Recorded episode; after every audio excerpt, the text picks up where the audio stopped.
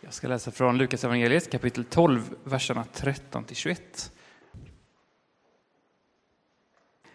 Någon i hopen sade till honom, Mästare, säg åt min, min bror att dela arvet med mig. Han svarade, Vem har satt mig till att döma eller skifta mellan er? Och han sade till dem, Akta er för allt habegär. En människas liv beror inte av överflöd på ägodelar. Sedan gav han dem en liknelse. En rik man hade fått god skörd på sina jordar. Han tänkte för sig själv, vad ska jag göra? Jag har inte plats för hela skörden. Han sade, så här ska jag göra. Jag river mina lador och bygger större så att jag får rum med säden och allt annat jag äger.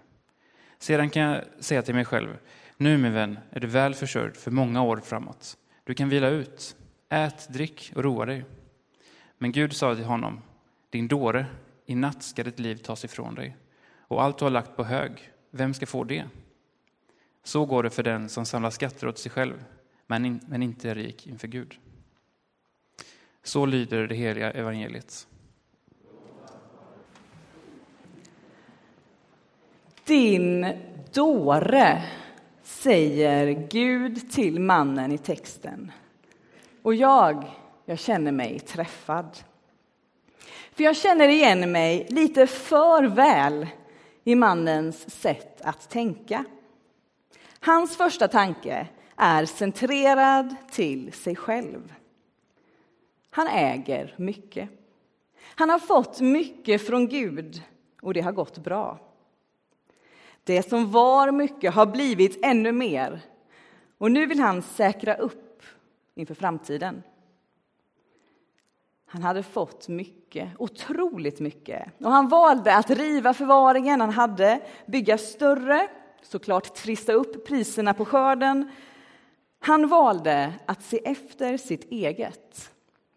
Inte bara så att han skulle klara sig, utan han samlade på hög. Och han var rik på pengar och materiella ting. Han trodde att han var trygg. För han hade säkrat sin inkomst i många år framöver. Men det var en falsk trygghet. Redan samma natt så kan man förlora det man samlat på hög. Man kan till och med förlora sitt liv. Jesus säger akta dig för habegär. Han varnar oss han vet att det inte är materiellt överflöd som ger oss trygghet och ett lyckligt liv. Prästen Martin Lönnebo har någon gång sagt Jag har växt upp i ett rikt hem. Det enda som saknades var pengar. Vad är rikedom? Vad är rikedom för dig i ditt liv? Jag ska berätta en kort berättelse om en mycket rik man som ville visa sin son hur fattiga människor lever. Pappan och sonen de tillbringade därför några dagar hos en mycket fattig familj som bodde i närheten av deras gods.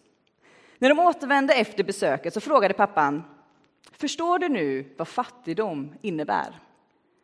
Ja, det gör jag, svarade sonen. Kan du då beskriva skillnaden mellan vårt liv och deras, bad pappan. Ja, det kan jag, sa sonen. Och så sa han, vi har bara en hund, de har fyra. Vi har en liten pool på vår gård. De har en hel sjö. Vi har olikfärgade lampor i vår trädgård. De har hela stjärnhimlen. Vi har massa betjänter som hjälper oss. Men de, de hjälper varandra. Vi har stängsel runt hela vår gård. Men de har vänner som skyddar dem. Och jag som trodde att vi var rika och de fattiga. Ja, vad är rikedom? Vad är det för något som vi blir varnade för? Ha begär. Att det är lätt att låta något ta över våra liv. Styra våra liv som inte är Gud. som leder till att vi någonstans på vägen förlorar oss själva. Förlorar kanske till och med vår tro och vårt uppdrag här på jorden. Vad är det i ditt liv som riskerar att påverka ditt liv åt fel håll?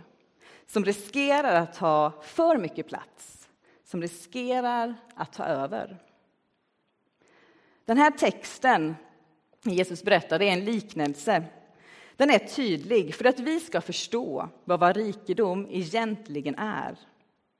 Att det inte är som för mannen. Han hade ett mål, pengar, mycket pengar, som skulle säkra hans framtid. Så hela hans liv gick ut på att just säkra sin framtid ekonomiskt. Men konsekvenserna av det var att han blev egoistisk. Men inte nog med det. Inte nog med det. Det livet kostar. Pengarna styrde hans liv. Och det är troligt att priset för detta var att han försummat vänner, kanske tiden med sin familj, sovit dåligt om nätterna på grund av oro. Han riskerade sin hälsa, kanske hade han även blivit utmattad. För den typen av rikedom får konsekvenser. Gud har sökt den här mannen gång på gång, men han hade inte hört. Han hade inte velat lyssna. Och Gud söker oss. Gud söker dig hela tiden. Men hör du? Vill du lyssna? Ger du Gud en chans att visa vilken väg som är en väg som leder till ett rikt liv här på jorden och i evigheten?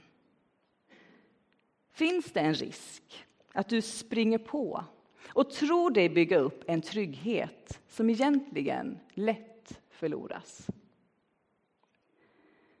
Gud vill lära oss. Han varnar oss för att låta någonting i livet ta för mycket plats eller riskera att ta över livet.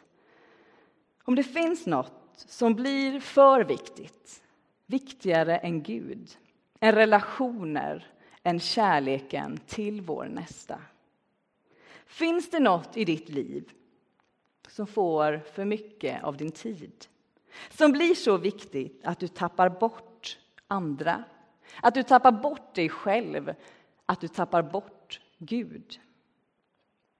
I vårt samhälle så hör vi hela tiden röster som säger satsa på dig själv. Se om ditt eget, var din egen Gud. Det smyger sig på lite varstans och det är lätt att dras med, att tappa bort sig själv, tappa bort Gud som säger jag är din Gud. Oroa dig inte för morgondagen. Akta dig för habegär. Ditt liv består inte på överflöd av ägodelar. Samla inte skatter åt dig själv, utan dela med dig av det du fått i tid, i pengar. Dela med dig av dig själv. Du har fått gåvor att ta emot och du har också fått gåvor att ge vidare i generositet. Samla inte för egen del. Det kan lätt gå förlorat. Dela med dig. Livet handlar om något annat än ägodelar och rikedom. Jesus säger din dåre. Sätt inte dig själv främst. Det gör dig inte lycklig. Det gör dig inte rik. Vi har så lätt för att fokusera mest på e- vårt eget. Och man kan fundera på om mannen i den här texten är svensk. För svenskarna är några av de mest individualistiska människorna på jorden. Och titta gärna i texten, inte nu men sen, och räkna efter hur många gånger orden jag, min, mitt förekommer. I Sverige finns många ensamma människor och många som inte mår bra. Vem är det som har lurat oss? Är det ormen i skapelseberättelsen, han som var listigare än alla markens djur som Herren Gud hade skapat? Han som fick människorna att äta av kunskapens frukt på gott och ont och som fick oss att tro att vi kunde bli som Gud. Satsa på dig själv. Var din egen Gud. Hur gör man då för att inte hänga upp sitt liv, sin trygghet på felaktiga saker? Svaret är Gud. Gud visar dig vilken väg du ska gå. Och det är inte alltid lätt att se vägen tydligt. Men om du gör det till en vana, att i dina beslut eller med jämna mellanrum stämma av dina livsbeslut och drivkrafter mot Gud, din tro, Guds ord och pratar med andra om det här så blir det lättare att upptäcka om det är någonting som håller på att dra iväg med dig åt fel håll. Fel håll för dig. För vi är olika. Det som inte fångar din uppmärksamhet och energi på felaktigt sätt kanske fångar min. En del av oss blir till exempel påverkade av vad man ser på sociala medier, mer än andra av oss. Medan andra har svårt att begränsa oss när det gäller jobb, pengar, makt, relationer. Och oavsett vad det är som är risken att bli ditt habegär så säger Gud, stanna upp ibland och spegla dig i mig. Jag ska läsa ifrån första Timoteusbrevet kapitel 6. Och vill ni så kan ni slå upp det så väntar jag lite grann om ni vill följa med i texten. Första Timoteusbrevet kapitel 6, verserna 7-11. Ni hittar det i de röda biblarna på sidan 856.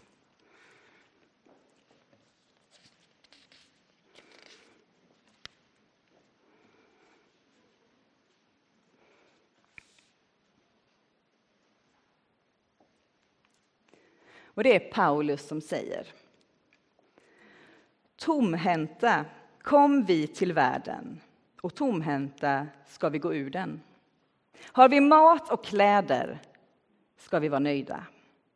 De som vill bli rika låter sig snärjas av frestelsen och faller offer för alla de dåraktiga och skadliga begär som störtar människorna i fördärv och undergång. Kärleken till pengar är roten till allt ont. Genom den har många förts bort från tron och vållat sig själva mycket lidande. Men du som tillhör Gud, håll dig borta från sådant. Sträva efter rättfärdighet, gudsfruktan, tro, kärlek, uthållighet och ödmjukhet. Till vad har du satt din tillit och din kärlek? Svaret kan variera, men du vet säkert med dig att ibland sätter du tilliten till fel saker.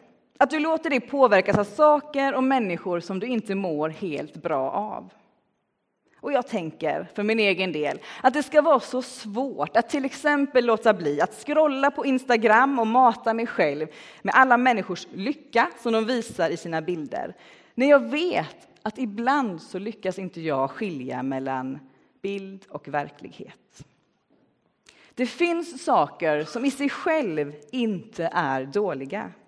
Men när det börjar styra ditt liv, ta över mer och mer, då blir det till något osunt. Vad är du beroende av för att känna dig lyckad? Är det rätt ägodelar? Är det framgång i skolan eller på jobbet? Är det vad andra tycker och tänker om dig och ditt liv? Som Paulus uttrycker det i Timoteusbrevet. Men du som tillhör Gud, håll dig borta från sådant. Alltså skadliga begär. Håll dig borta från att utsätta dig för sånt som inte hjälper dig med att må bra. Så att du inte förs bort från tron och vållar dig själv lidande. Sträva istället efter, be om, samtala med husgruppen om eller vännerna om hur du kan sträva efter rättfärdighet, gudsfruktan, tro, kärlek, uthållighet och ödmjukhet. Gud vet vad som är bäst för oss. Gud vet vad som lätt blir fel. att vi har så lätt för att söka bekräftelse i fel saker. Vi har så lätt för att tro att vi själva kan kontrollera livet, världen och att vi har så lätt för att vilja ha och ha och ha. Gud vet att vi mår så mycket bättre av att ge. Av att dela livet och våra tillgångar. Att inte hålla så hårt i det vi äger. Att vi så lätt blir dårar som faller för frestelsen att vi själva förmår skapa livets mening och trygghet. Att vi så lätt hamnar i skadliga behov, begär, att vi så lätt förs bort från tron. Allt det här materiella som tillhör livet slipper vi inte undan. Men det är inte det vi ska inrikta livet efter. När vi i Bibeln läser om, eller när vi i kyrkan kanske talar om omvändelse, så handlar det om att vända sig i riktning mot Gud och gå i den riktningen. Alltså inte rikta in våra liv efter något annat. Gud har gett dig ditt liv som en gåva. Vilka proportioner låter du olika delar i ditt liv få? Finns det någonting som just nu riskerar att ta över ditt liv, som får lite för mycket utrymme, som blivit för viktigt, som påverkar dig negativt? Pengar, träning, sex, makt, spel, mat, sociala medier. Vad riskerar vara ditt habegär just nu? Som du hela tiden vill ha lite mer och lite mer av. Jag menar inte att vi ska sluta med till exempel Instagram eller att gå till jobbet och tjäna pengar. Men det får inte ta över ditt liv. Din dåre, det får inte ta över ditt liv. Vem och vad får ditt engagemang och din kärlek? När du lyckas att inte sätta dig själv i främsta rummet kommer du uppleva styrkan och glädjen i att dela livet och det som är ditt med andra. Du kan få uppleva rikedomen i att finnas för andra människor. Du kan få ana vad det innebär att vara rik inför Gud. Martin Lönnebos ord igen. Jag har växt upp i ett rikt hem. Det enda som saknades var pengar. Vad innebär det att vara rik? Rik inför Gud. Jag önskar att du, att var och en av oss i veckan som kommer utmanar dig själv att fundera över hur du gör för att vända dig i riktning mot Gud. Vad har du för strategier och för sätt för att spegla dig i Gud och Guds kärlek? Hur kan du märka om det är någonting i ditt liv som börjar ta över? Har du någon varningsklocka eller system? Hur gör du för att Gud ska få vara Gud i ditt liv och ingen eller inget annat? Hur ser ditt liv ut? Vad finns det för fallgropar? Vad finns det för styrkor? Och kanske har du aldrig tänkt på det här innan. Vilken möjlighet att då i veckan just göra det. Fundera på hur ser det ut i ditt liv runt omkring dig? Kanske tillhör du en husgrupp som vi pratade om tidigare, där du skulle kunna prata om det här. Kanske skulle du vilja hitta en lite mindre gemenskap där du kan dela livet med människor som precis som du försöker följa Jesus. Som söker sig till honom och ser på honom för att hitta rätt riktning i sitt liv. Ta tillfället att den här veckan leva med frågan hur blir mitt liv rikt. Om en stund i gudstjänsten, precis som alla våra gudstjänster, så finns det möjlighet för dig som vill att som avslutning på den här veckan och som en start på nästa söka dig till förebedjarna och be tillsammans med dem. Om hjälp att hitta riktning i ditt liv. Jesus säger, din dåre, sluta tro att du kan kontrollera livet och klara dig själv.